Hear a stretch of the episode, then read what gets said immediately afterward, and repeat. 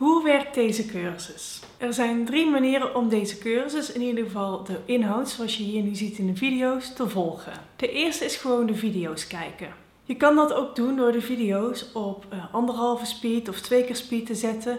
En dat is vooral fijn als je vindt dat ik iets te langzaam praat. Ik praat gewoon zoals voor mij fijn is, maar pas het tempo aan zoals voor jou fijn is. De tweede manier is om de transcripten te downloaden. En dit zijn de teksten die ik in de video's zeg. En die kun je los als tekst downloaden bij elke video. En de derde manier is om de video's in een podcastvorm te luisteren. Ik heb hieronder nog een pagina staan waar ik daar meer info over geef. Er zitten soms ook opdrachten bij de video's. En ik heb een uh, werkboek in zijn geheel gemaakt. En ook daar zal ik even in een losse pagina even wat extra info over geven. Wat ik je vooral heel erg op het hart wil drukken, is dat je absoluut niet nu van module 0 naar module 7 achter elkaar moet kijken. Het mag natuurlijk wel, hè, als je dat leuk vindt. Ik heb er ook heel veel waarde in gestopt. Maar je voelt vooral niet als een verplichting.